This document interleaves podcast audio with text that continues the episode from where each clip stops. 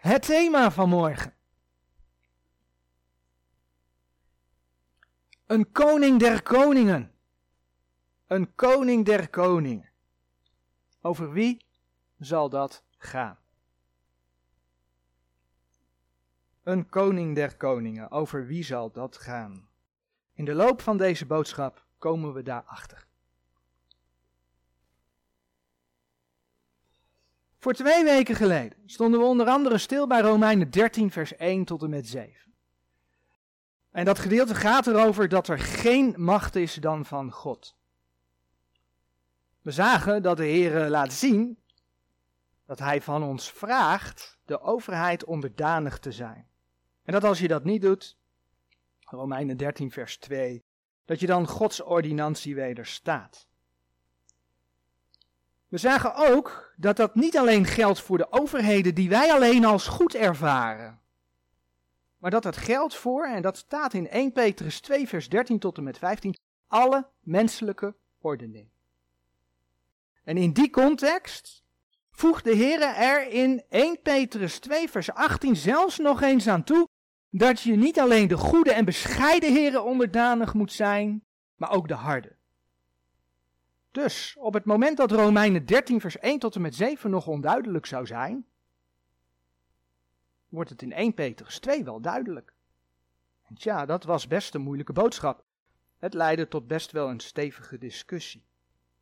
En dat is niet alleen hier zo hoor. Als ik enkele geruchten zo gehoord heb, dan is dat overal zo. Romeinen 13, vers 7 is geen geliefd gedeelte van de schrift.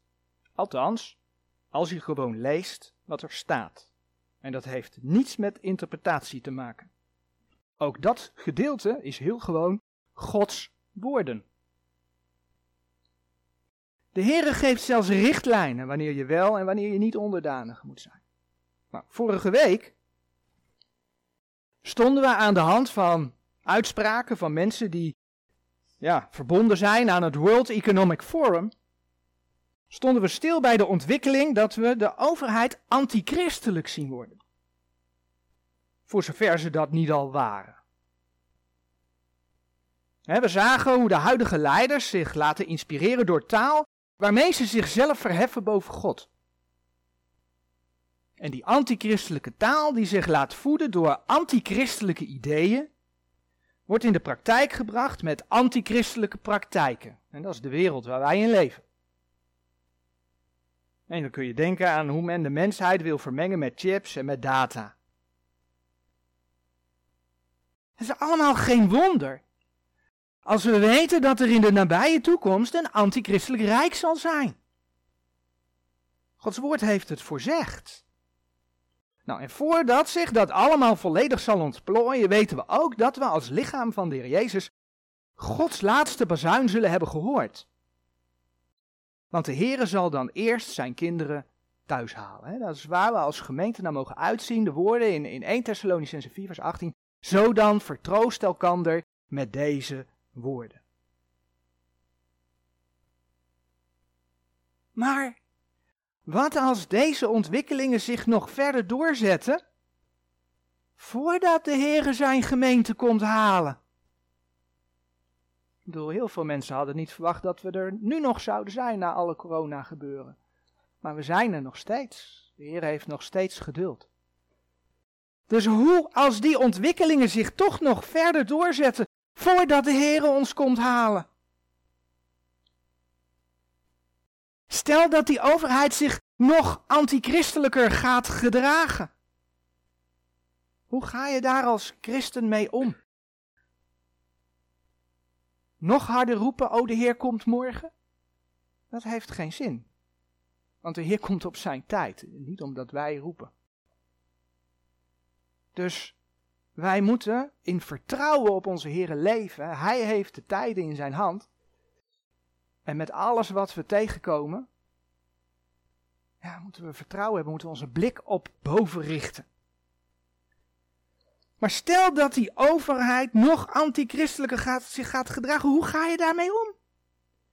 Ik bedoel, we hebben de opdracht gezien dat we die overheid onderdanig moeten zijn, maar als die overheid nu nog antichristelijk wordt, kun je dan die overheid wel onderdanig zijn?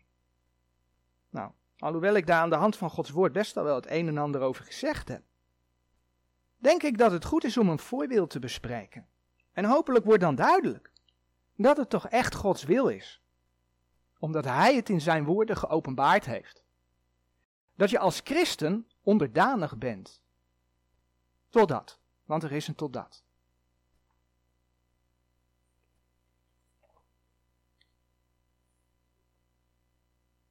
Als voorbeeld, en dan beginnen we vanmorgen in Daniel. Als voorbeeld kijken we naar koning Nebukadnezar.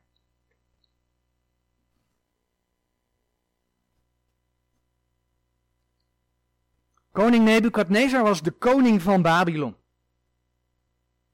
De koning van Babylon die Jeruzalem verwoestte en die Juda in ballingschap wegvoerde. Als koning van Babel had hij absolute macht. En zijn rijk strekte zich uit van Egypte tot in het huidige Irak. Koning Nebukadnezar was dus een groot koning. En weet je, voor koning Nebukadnezar telde een mensenleven absoluut niet. Het draaide om hem. Hij was de grote koning. In Daniel 2 lees je bijvoorbeeld dat als zijn wijzen hem iets niet konden uitleggen, dat hij ze rustig allemaal zou doden. En je leest dat in Daniel 2, vers 5 en vers 12. Hij zou ze rustig allemaal doden, hij zou ze in stukken houden en hij zou hun huizen tot een drekhoop maken. Want ja, ze konden hem iets niet uitleggen. Dat zegt dus wat over het type man dat koning Nebukadnezar was. Wat laat de schrift nog meer over deze koning zien? Nou, er was één regering, de regering van koning Nebukadnezar. En een belangrijk gegeven vinden we vervolgens in Daniel 3, vers 1. Daniel 3, vers 1. En in Daniel 3, vers 1 lezen we: De koning Nebukadnezar maakte een beeld van goud, welks hoogte was 60 ellen, zijn breedte 6 ellen hij richtte het op in het dal Dura, in het landschap van Babel. Koning Nebukadnezar maakte een beeld. En er is alle aanleiding voor om aan te nemen dat dat een beeld van zichzelf was. In Daniel 2 kun je namelijk lezen dat Nebukadnezar een droom had. En de Heere God had gegeven dat alleen Daniel die droom kon uitleggen. En in die droom zag hij een beeld en dat lees je in vers 32 van Daniel 2, dat een hoofd van goud had, dat een zilveren borst en armen had, dat een koperen buik en dij had, en ijzeren benen en voeten van ijzer en leem. Daniel 2 vers 32. Nou, voor ons is het geen geheim dat die delen van dat beeld, dat dat staat voor wereldrijken. Wereldrijken die uiteindelijk uitmonden in het antichristelijke rijk. Maar dat gouden hoofd, dat gouden hoofd, dat was koning Nebukadnezar. En dan mocht Daniel aan hem vertellen. Kijk maar in vers 38 van Daniel 2, vers 38. Daniel zegt daar tegen de koning: En overal waar mensenkinderen wonen, heeft hij de beesten des velds en de vogelen des hemels in uw hand gegeven. En hij heeft u gesteld tot een heerser over al dezelfde. Gij zijt dat gouden hoofd, zei Daniel tegen koning Nebukadnezar. En wanneer Daniel dan de droom in zijn geheel heeft uitgelegd, dan lees je in vers 47 het volgende. De koning antwoordde Daniel en zeide, het is de waarheid dat uw lieder God een God der goden is en een Heere der koningen, en die de verborgenheden openbaart, terwijl gij deze verborgenheid hebt kunnen openbaren. Nebukadnezar zag dat Daniel iets heeft kunnen bekendmaken wat anderen niet konden. En koning Nebukadnezar zag zelfs dat Daniels God daarmee te maken had. Maar het was voor hem geen reden om tot bekering te komen. Dat lijkt misschien door dat vers, maar dat is niet zo en dat blijkt wel uit het vervolg. Wat er gebeurt in Daniel 3. Koning Nebukadnezar kwam niet tot bekering, sterker nog, hij zag zichzelf als de grote heerser. En liet in Daniel 3 niet alleen het hoofd van goud maken. Nee, hij liet een heel beeld van goud maken. Hij was de grote koning. En hoezo zou het rijk degenereren?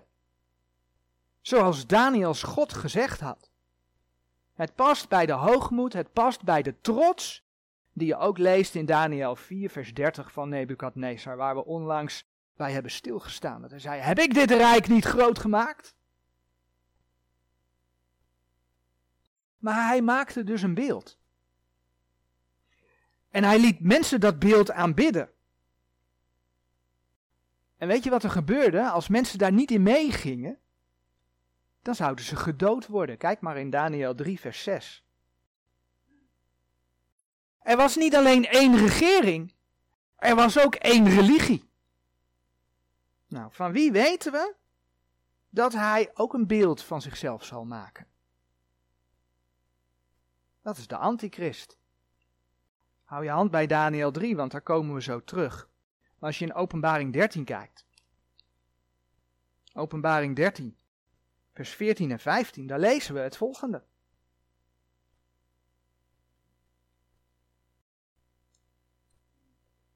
Openbaring 13, vers 14. En verleidt degene die op de aarde wonen door de tekenen die aan hetzelfde te doen gegeven zijn in de tegenwoordigheid van het beest, zeggende tot degene die op de aarde wonen, dat zij voor het beest dat de wond des zwaards had en weder leefde een beeld zouden maken. En hetzelfde werd macht gegeven om het beeld van het beest een geest te geven, opdat het beeld van het beest ook zou spreken en maken dat alle die het beeld van het beest niet zouden aanbidden, gedood zouden worden. De antichrist laat voor zichzelf dus een beeld maken. En mensen zullen het moeten aanbidden. Gaan ze daar niet in mee, dan worden ze gedood. openbaring 13 vers 8, dat gaat over de antichrist zelf. Als men die niet aanbidt, dan zullen ze gedood worden. Openbaring 13 vers 8, en alle die op aarde wonen, zullen hetzelfde aanbidden, welke namen niet zijn geschreven in het boek des levens des lands, dat geslacht is van de grondlegging der wereld. Het typische van het beeld, Daniel 3 vers 1, is dat er van geschreven staat. In 3 vers 1, dat het een hoogte had van 60 ellen en dat het een breedte had van 6 ellen. 60 bij 6. En dat doet ons denken aan het getal van het beest, openbaring 13. Als we daar verder lezen, we hebben net vers 14 en 15 gelezen. En dan lezen we nu vers 16 tot en met 18. En het maakt dat het aan alle kleine en grote en rijke en arme en vrije en dienstknechten merkteken geeft aan hun rechterhand of aan hun voorhoofden. En dat niemand mag kopen of verkopen dan die dat merkteken heeft, of de naam van het beest, of het getal zijns naams. Hier is de wijsheid die het verstand heeft. Rekenen het getal van het beest, want het is een getal eens mensen, en zijn getal is 666. Nu wordt er alleen een hoogte en een breedte gegeven, maar een beeld is driedimensionaal en heeft ook een diepte. De kans is groot dat dit beeld de vorm had van een obelisk, want zo kwamen die dingen vaker in die tijd voor. En nog steeds, dat is nog steeds modern om die dichtbij je te hebben als je wereldleider bent. Maar als het dus een vorm van een obelisk heeft, dan is niet alleen de breedte 6L geweest, dan is ook de diepte 6L geweest. 60 bij 6 bij 6. 6, 6, 6. En zo zijn er meer aanwijzingen. In het gedeelte Daniel 3, vers 1 tot en met 7 wordt bijvoorbeeld zes keer genoemd dat koning Nebukadnezar een beeld had opgericht. In Daniel 4 vers 16 en 23, lees je dat koning Nebukadnezar het hart van een beest kreeg. Het hart van een beest. En ja, dat hart van het beest, dat kreeg hij voor zeven tijden. Nou, wat leren we in openbaring? Hè? Openbaring 12, vers 14. De grote verdrukking bestaat uit twee periodes van 3,5 jaar. Een tijd, tijden en een halve tijd. Een tijd staat voor een jaar. Koning Nebukadnezar kreeg voor zeven jaar het hart van een beest. En de antichrist wordt het beest genoemd. Zo wordt Nebukadnezar in, eh, laten we dat vers opzoeken, Jeremia 51. 51 vers 34. Jeremia 51 vers 34. Vergeleken met een draak. Nebukadnezar wordt vergeleken met een draak. Nebukadnezar, de koning van Babel, andere schrijfwijze, zelf de koning, heeft mij opgegeten. Hij heeft mij verpletterd. Hij heeft mij gesteld als een ledig vat. Hij heeft mij verslonden als een draak. Hij heeft zijn ballig, zijn buik gevuld met mijn lekkernij. Hij heeft mij verdreven. Het mag duidelijk zijn dat de draak een beeld is voor de duivel, hè? openbaring 12 vers 9. Uit dit alles blijkt dat koning Nebukadnezar een type is van de antichrist. Antichrist, de vlees geworden duivel. Daar staat koning Nebukadnezar als voorbeeld voor. Het is die Nebukadnezar die als type van de antichrist tegen Israël streed. Net als de antichrist zal gaan doen. Het is Nebukadnezar die als type van de antichrist Jeruzalem verwoestte. Net als de antichrist zal gaan doen. Het is Nebukadnezar die als type van de antichrist de attributen van de tempel wegnam. Het is Nebukadnezar die als type van de antichrist de zonen van Juda's koning Zedekia voor zijn ogen liet doden en vervolgens de ogen verblinden van de koning. Dat lees je in 2 Koningen 25 vers 7. Het is Nebukadnezar die als type van de antichrist mensen doodde, 2 Kronieken 36 vers 17, en mensen in ballingschap wegvoerde.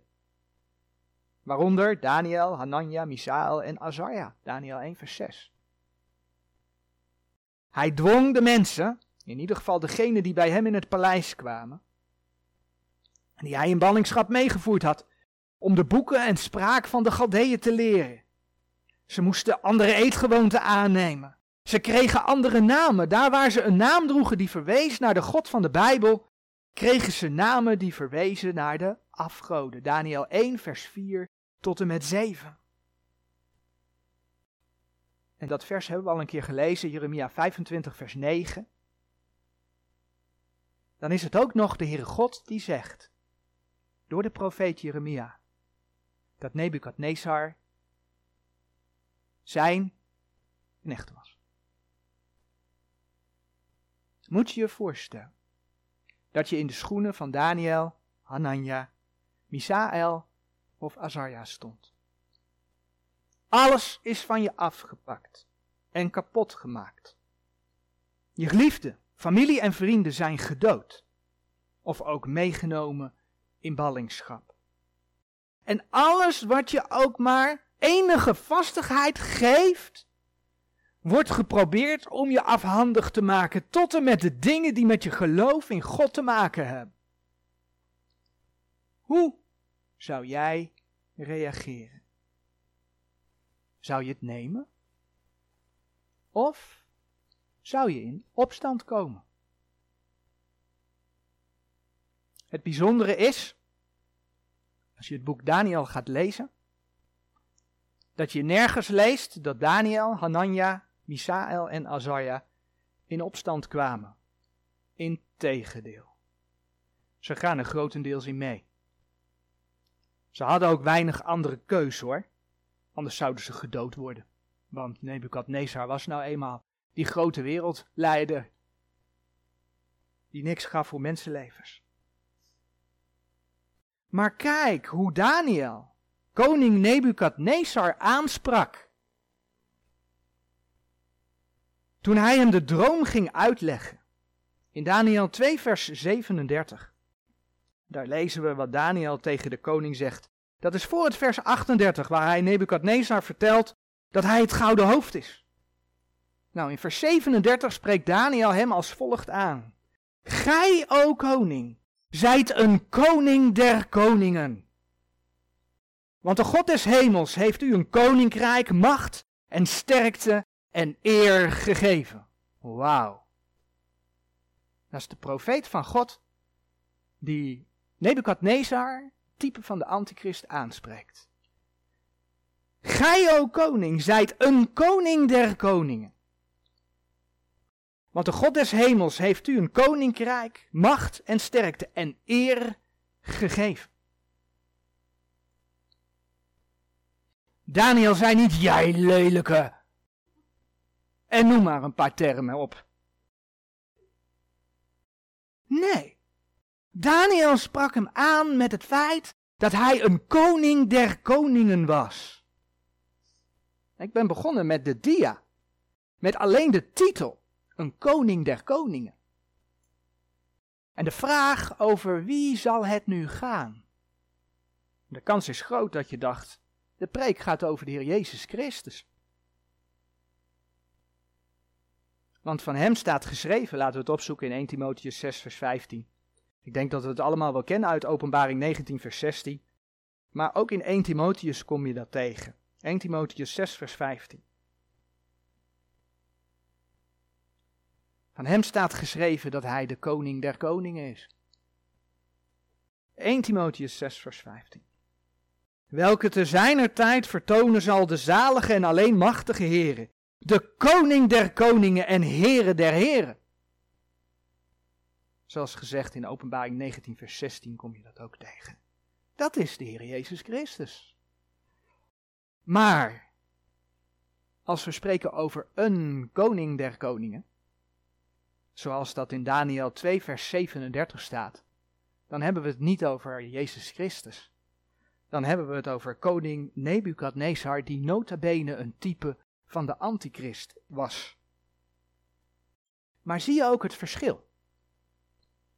Is het verschil opgevallen? Koning Nebukadnezar was een koning der koningen.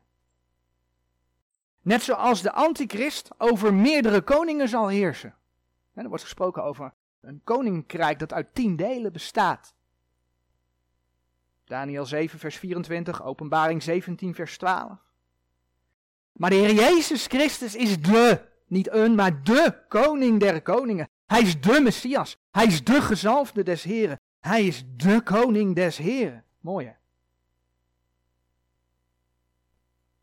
Maar Daniel, Daniel sprak Nebukadnezar dus aan met het feit dat hij een koning der koningen was. Net als Petrus in de tijd van de Romeinse keizer Nero de opdracht in 1 Petrus 2 vers 17 schrijf. 1 Petrus 2 vers 17. Eert een iegelijk, hebt de broederschap lief, vreest God, eert de koning. Eert de koning. Nou, als we dan naar Daniel kijken, dan zien we dat Daniel, ondanks alles wat er gebeurd was, en we hebben een heel lijstje gezien van wat er allemaal gebeurd was, ondanks wat er gebeurd was, bleef hij loyaal, bleef hij trouw aan de koning Nebukadnezar. Ook toen hij een droom kreeg, waaruit bleek dat de koning door zijn hoogmoed als de beesten zou gaan worden. En we lezen Daniels reactie, als hij dat aan de koning moet gaan vertellen. Daniel 4, vers 19.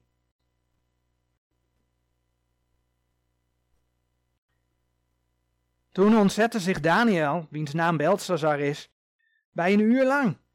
En zijn gedachten beroerden hem. De koning antwoordde en zeide, Belshazzar, laat u de droom en zijn uitlegging niet beroeren. Belshazzar antwoordde en zeide, mijn heer, de droom wedervaren uw haters en zijn uitlegging uw wederpartijders. Daniel sprak de koning aan met mijn heer. En was ondaan. En weet je wat hij toen deed? Weliswaar op een oud-testamentische manier, hè? Maar hij riep Nebukadnezar op tot bekering. Koning, bekeer u. Daniel 4, vers 27. Daarom, o koning, laat mijn raad u behagen en breek uw zonde af door gerechtigheid en uw ongerechtigheden door genade te bewijzen aan de ellendigen, of er verlenging van uw vrede mocht wezen. Daniel, oud-testamentisch, hè, want we lezen uit het Oude Testament. Maar Daniel riep koning Nebukadnezar op tot bekering. Daniels houding was geen houding van rebellie of wederspannigheid, absoluut niet. Ik heb het al eerder genoemd, maar nu hebben we er wat meer context bij.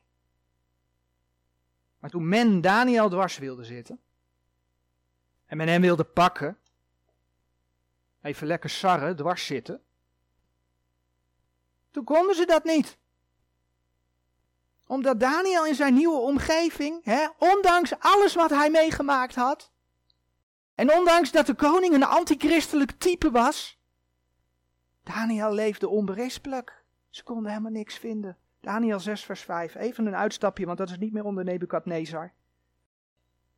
Maar het zegt wat over wie Daniel was en hoe hij handelde, wat zijn houding was. Daniel 6, vers 5. Toen zochten de vorsten en de stadhouders gelegenheid te vinden tegen Daniel vanwege het koninkrijk. Maar zij konden geen gelegenheid, noch misdaad vinden, terwijl hij getrouw was en geen vergrijping, noch misdaad in hem gevonden werd. En dus moesten ze iets zoeken wat met zijn God te maken had. Het laat zien hoe Daniel in het leven stond. Onder een koning die een type is van de antichrist. En die hem heel wat aangedaan had. In opstand komen is dus niet wat de Heere vraagt. Maar goed, moet je dan altijd alles maar nemen? Moet je stil blijven zitten en jezelf maar op laten pakken? Nee hoor, ook niet. Dat is niet de bedoeling. Ik bedoel, we weten toch ook dat koning, of toen was hij nog geen koning, dat David op de vlucht was voor koning Saul. Maar toen David daar in die spelonk was, alleen met Saul, spaarde hij wel Sauls leven. En zei hij, ik raak de gezalfde des heren niet aan. Dat bleef hij zeggen van die koning Saul die hem op zijn hielen zat. 1 Samuel 16 vers 23. Ook Paulus ontvluchtte Damascus toen ze hem wilden doden. Dat lees je in Handelingen 9 vers 24 en 25. Ook al weten we dat ook Paulus het gevaar echt niet ontliep als het om de dienst van de Here ging. Maar laten we wel wezen. Koning Nebukadnezar als type van de antichrist had een groot wereldrijk. Ja, daar vluchtte je niet zomaar voor. En laten we wel wezen, alle wereldwijde ontwikkelingen ter voorbereiding op het antichristelijke rijk, die ontvlucht je ook niet zomaar. Want het is wereldwijd gaande. Dus de vraag is, hoe ga je daar als wederom geboren gelovige mee om? Allereerst is het belangrijk om te bidden. In 1 Timotheus 2. In 1 Timotheus 2, vers 1 tot en met 4 lezen we bekende versen, maar we lezen het. Het volgende staat daar geschreven. 1 Timotheus 2 vanaf vers 1. Ik vermaan dan voor alle dingen dat gedaan worden smekingen, gebeden, voorbiddingen, dankzeggingen voor alle mensen, voor koningen en alle die in hoogheid zijn, opdat wij een gerust en stil leven leiden mogen in alle godzaligheid en eerbaarheid. Want dat is goed en aangenaam voor God onze zaligmaker, welke wil dat alle mensen zalig worden en tot kennis der waarheid komen. De Heer roept je op om te bidden voor de overheden. En hij wil dan zelfs rust geven. Maar dat heeft wel een doel. Namelijk dat het evangelie voortgang vindt. De Heer geeft geen rust, zodat je s'avonds lekker met je voeten op de bank nog een wijntje kan drinken. De Heer geeft geen rust, zodat je nog eens even lekker een keertje extra met vakantie kunt gaan. De Heer geeft rust, zodat mensen bereikt kunnen worden met zijn woord. Daar geeft hij rust voor. Daar heeft hij geduld voor, met alle ongerechtigheid die er ook vandaag de dag gaande is. Ja, en die rust, dit is geen belofte dat het altijd zo gaat. Nee, die rust is er ook niet altijd. Dat laat Gods woord zien. De geschiedenis laat dat zien. En ook in de laatste dagen weten we dat er dingen moeten gaan gebeuren. Ook Daniel, Hanania, Misael en Azarja gingen ondanks alles door met bidden. Toen Daniel geconfronteerd werd met de droom van Nebukadnezar, die hij maar zo even allereerst de droom moest vertellen en dan ook nog de uitlegging moest geven. Toen hij daarmee geconfronteerd werd, gingen ze in gebed. Nou, en dan lees je in Daniel dat hij dat soms alleen deed, Daniel 6 vers 11. Maar in Daniel 2 vers 17 en 18 krijg je toch echt wel het idee dat ze dat ook samen deden. Daniel 2 vers 17 en 18. Dat is dus de situatie dat Daniel uitleg moest geven over die droom. Toen ging Daniel naar zijn huis. En hij gaf de zaak aan zijn metgezellen Hanania, Misaal en Azarja te kennen. Die waren blijkbaar in zijn huis, want in die tijd hadden ze nog geen telefoon. Dus hij ging naar zijn huis, hij gaf dat die andere drie te kennen. En wat deden ze? Opdat zij van de God des hemels barmhartigheden verzochten over deze verborgenheid, dat Daniel en zijn metgezellen met de overige wijzen van Babel niet omkwamen. Hij bracht het in gebed, Heere God, u weet wat ons boven het hoofd hangt. Help. Het gebed is dus heel belangrijk. Zo zegt Hebreeën 4 vers 16.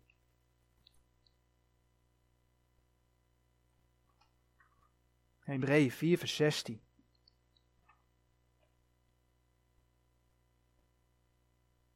Laat ons dan met vrijmoedigheid toegaan tot de troon der genade, opdat wij barmhartigheid mogen verkrijgen en genade vinden om geholpen te worden, te bekwamer tijd, als God het wil.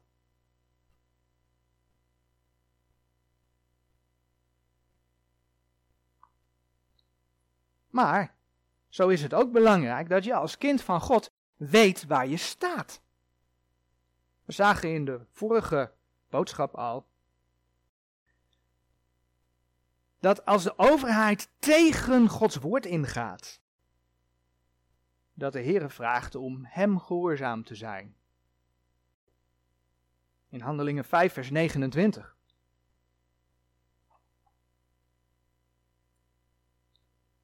Handelingen 5, vers 29. Ik had het in het begin niet voor niets over. Dat er een totdat is. We moeten onderdanig zijn totdat. Nou, totdat de overheid tegen Gods woord ingaat. Handelingen 5, vers 29.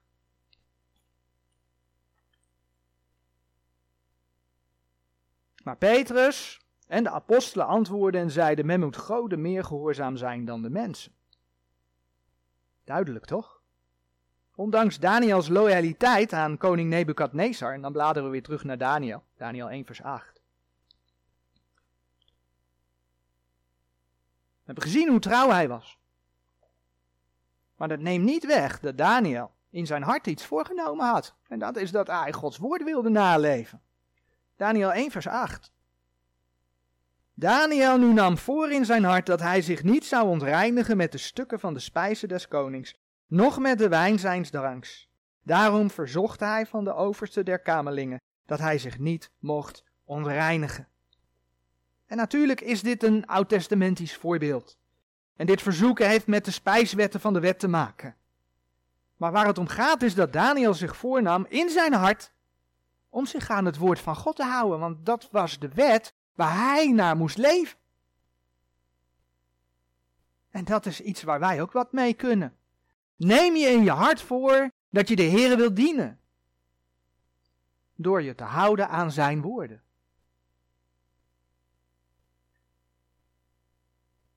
Maar wat deed Daniel in eerste instantie? Ging hij in opstand komen? Nee. Nee, we hebben het net in Daniel 1 vers 8 gelezen. Hij ging netjes naar de overste van de kamerlingen. En hij ging zijn situatie uitleggen. Zou het mogen dat? Hij ging zijn situatie uitleggen. Hij ging een verzoek indienen. Gewoon aangeven dat je niet overal in meegaat. En dat is ook iets wat wij vandaag kunnen doen. Situaties op je werk, situaties op school, andere situaties. En dan leg je uit waarom. En dan moet je eens kijken hoe vaak er nog rekening met je gehouden wordt. Vervolgens is er een optie die niet direct in het boek Daniel voorkomt, maar die ik wel genoemd wil hebben. Paulus maakte bijvoorbeeld gebruik van zijn Romeins burgerrecht. Dat lees je bijvoorbeeld in Handelingen 16, vers 37. Ik ga het vers nu niet lezen, maar daar kun je het nazoeken. Paulus maakte gebruik van zijn Romeins burgerrecht. En dat deed hij niet door de situatie zo te vormen, hè, anders te maken, want dan kan ik tenminste van dat wetje gebruik maken.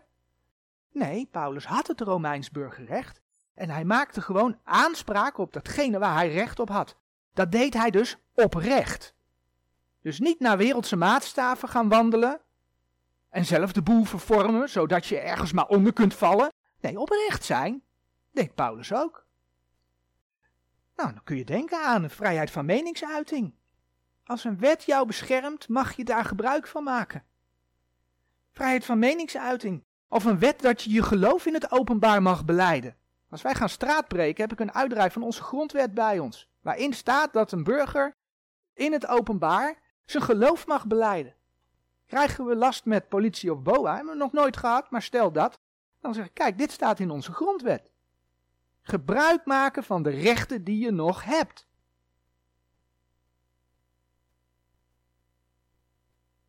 Maar soms, en dat zou maar zo veel meer kunnen worden, soms krijg je ermee te maken dat je keuzes echte consequenties hebben.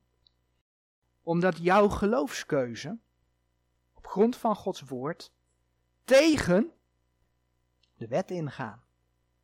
Zoals bij Hanania, Misaël en Azarja.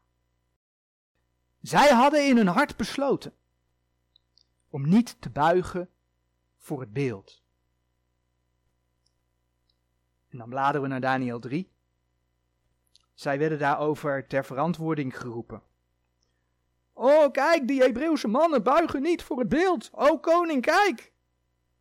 En dan moet je kijken wat ze antwoorden. Daniel 3, vers 17.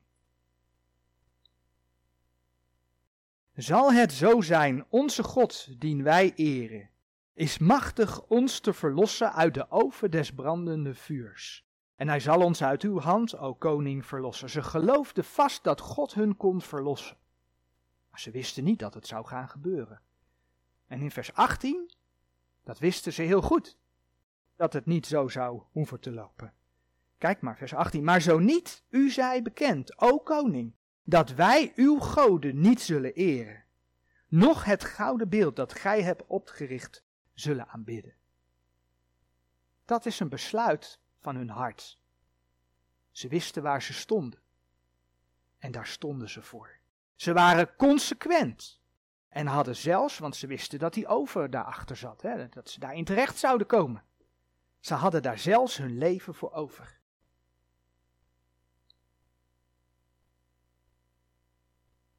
Dus de vraag is, durf je te staan voor Gods woorden? Vandaag de dag. Vandaag de dag kun je maar zo een boete krijgen of opgepakt worden als je waarschuwt tegen seksperversie. Als je laat zien wat de schrift zegt, wat er in Sodom en Gomorra gebeurde en als je dat gaat uitleggen. Als je laat zien dat daar Gods oordeel over gaat komen. Maar, dan is de vraag, ga je er dan aan meewerken? Op het moment dat ze bij je komen en zeggen, we gaan dat en dat organiseren, doe je daaraan mee? Of neem je in je hart voor om bij Gods woord te blijven? Ja, en dan kun je dus te maken krijgen met lijden. Lijden voor de naam van de Heer Jezus.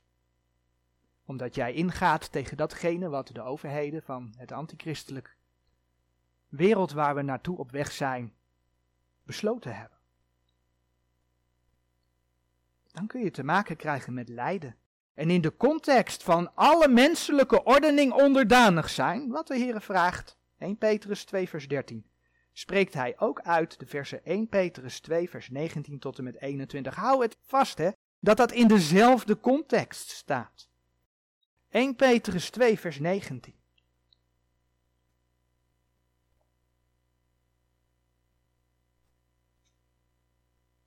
Want dat is genade. Indien iemand om de conscientie, om het geweten, voor God zwarigheid verdraagt, leidende ten onrechte. Leidende ten onrechte. Want wat lof is het indien gij verdraagt als gij zondigt en daarover geslagen wordt? Maar indien gij verdraagt, verdraagt, niet in opstand raakt, maar verdraagt als gij wel doet en daarover lijdt, dat is genade bij God Want hiertoe zijt gij geroepen, terwijl ook Christus voor ons geleden heeft, ons een voorbeeld nalatende, opdat gij zijn voetstappen zoudt navolgen. Het is het volgen van het voorbeeld van de Heer Jezus, die zijn lijden onderging. Kwam hij in opstand? Nee, hij onderging het. Leid niet als een kwaaddoener, maar leid als een kind van God. Laten we nog één voorbeeld bekijken. Ik noemde al de situatie van koning Zedekia. De koning van Juda, wiens zonen voor zijn ogen gedood werden en daarna werd hij blind gemaakt. Dus het laatste wat hij gezien heeft, is dat zijn zonen voor zijn ogen gedood werden. Dat is dan zo'n leuk grapje van zo'n wereldheerser. 2 Koningen 25 vers 7 kun je dat vinden. Deze koning was gewaarschuwd door de profeet Jeremia en dat kun je vinden in Jeremia 38. Jeremia 38. In Jeremia 38, vers 17 en 18, daar lezen we. Het gaat vanaf vers 14 tot en met 28, maar we nemen er twee versen uit.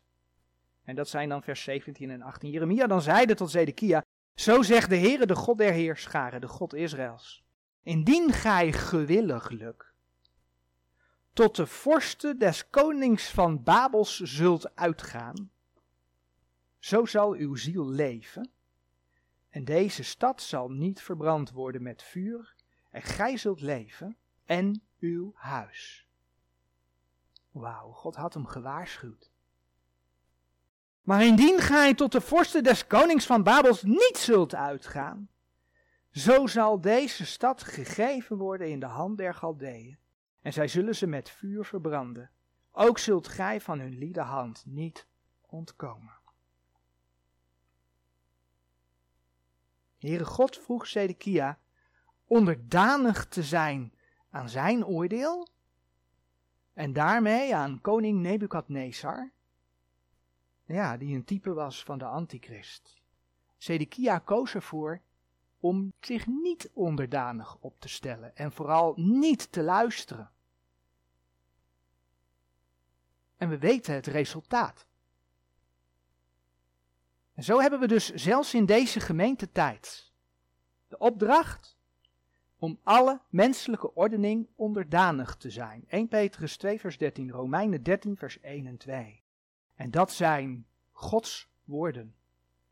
Hoe gedraag jij je als kind van God?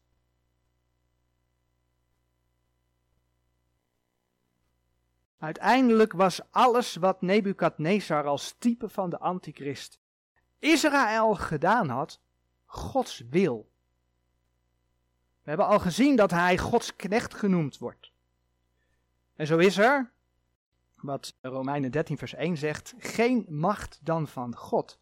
Want de machten die er zijn, die zijn van God geordineerd. Laten we nog Ezra 5 vers 12 opzoeken. Ezra 5. Ezra, Nehemia, Esther, Job. Ezra 5. Vers 12. Waar we lezen.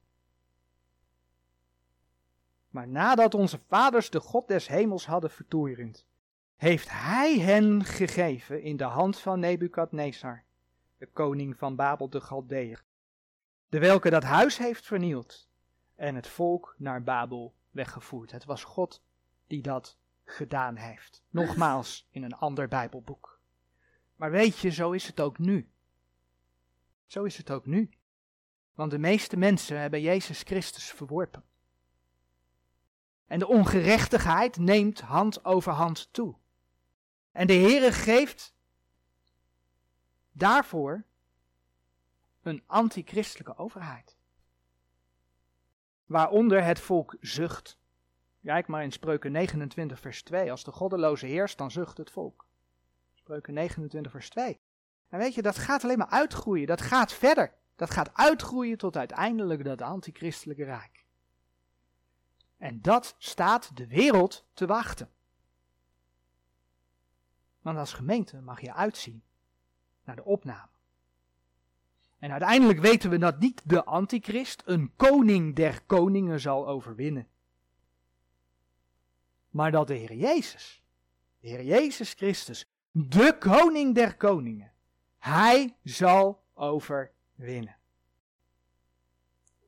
En tot het moment dat de Heer ons komt halen, mogen wij ons vasthouden aan het voorbeeld van onder andere Daniel.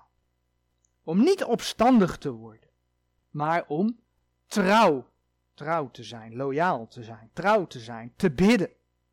Om ons Bijbels standpunt voor te nemen in ons hart. Dat we weten waar we staan, dat we beseffen waar we voor staan.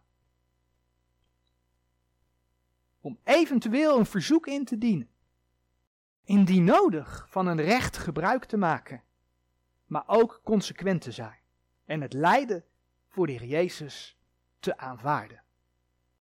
Amen.